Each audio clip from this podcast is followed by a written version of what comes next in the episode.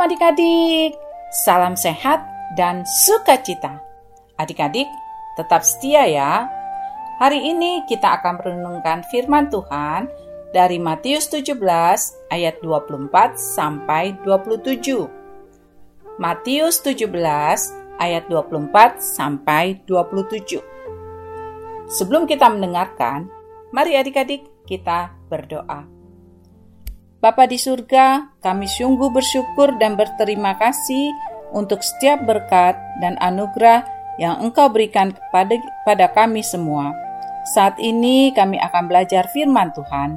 Kiranya Engkau beri kami kemampuan untuk dapat mengerti. Dalam nama Tuhan Yesus kami berdoa. Amin. Matius 17 ayat 24 sampai 27. Ketika Yesus dan murid-muridnya tiba di Kapernaum, datanglah pemungut bea bait Allah kepada Petrus dan berkata, Apakah gurumu tidak membayar bea dua dirham itu? Jawabnya, memang membayar. Dan ketika Petrus masuk rumah, Yesus mendahuluinya dengan pertanyaan, Apakah pendapatmu Simon?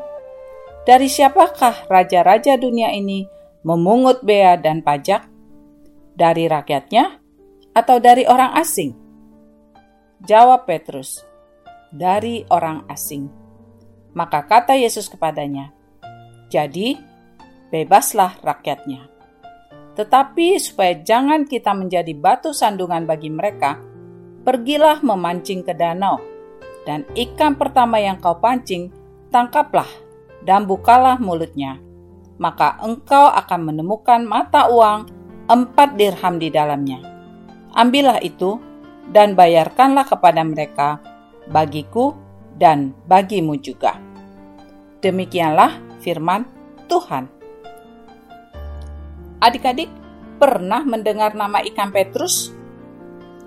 Ikan Petrus atau ikan Santo Petrus adalah ikan yang terdapat di Danau Galilea dan merupakan ikan yang terkenal dan selalu disajikan di restoran-restoran dekat Danau Galilea, Israel.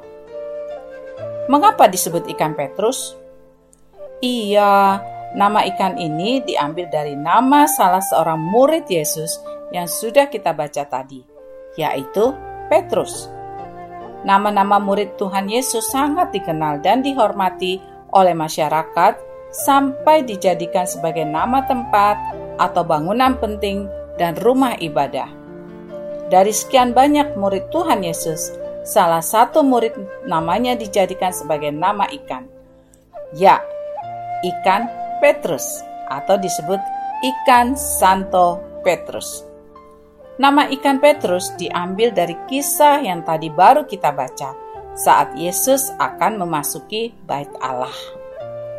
Nah, adik-adik dapat menikmati ikan petrus ini jika adik-adik berkunjung ke Israel dan masuk ke sebuah restoran di tepi danau Galilea. Menu ikan petrus ini sangat populer bagi wisatawan karena selain namanya yang unik, rasanya juga sangat lezat. Adik-adik tentu dapat mencobanya ya. Adik-adik, hari ini kita belajar bahwa Yesus selalu taat untuk melakukan aturan. Juga untuk bayar bea bait Allah sebesar dua dirham dilakukan Yesus.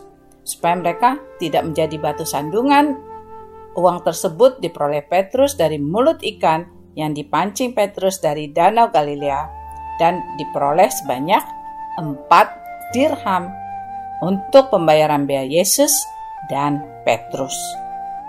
Dari firman Tuhan ini, adik-adik dapat berkata, Aku belajar pengetahuan Alkitab mengenai ikan Santo Petrus. Demikianlah renungan firman Tuhan hari ini. Mari adik-adik kita berdoa. Bapa di surga, terima kasih kami boleh belajar tentang ikan yang dinamakan seperti nama salah satu murid Tuhan Yesus, yaitu Petrus. Terima kasih ya Tuhan, kami semakin mengerti akan firman Tuhan. Dalam nama Tuhan Yesus, kami berdoa. Amin. Sampai berjumpa lagi, adik-adik. Tuhan Yesus memberkati.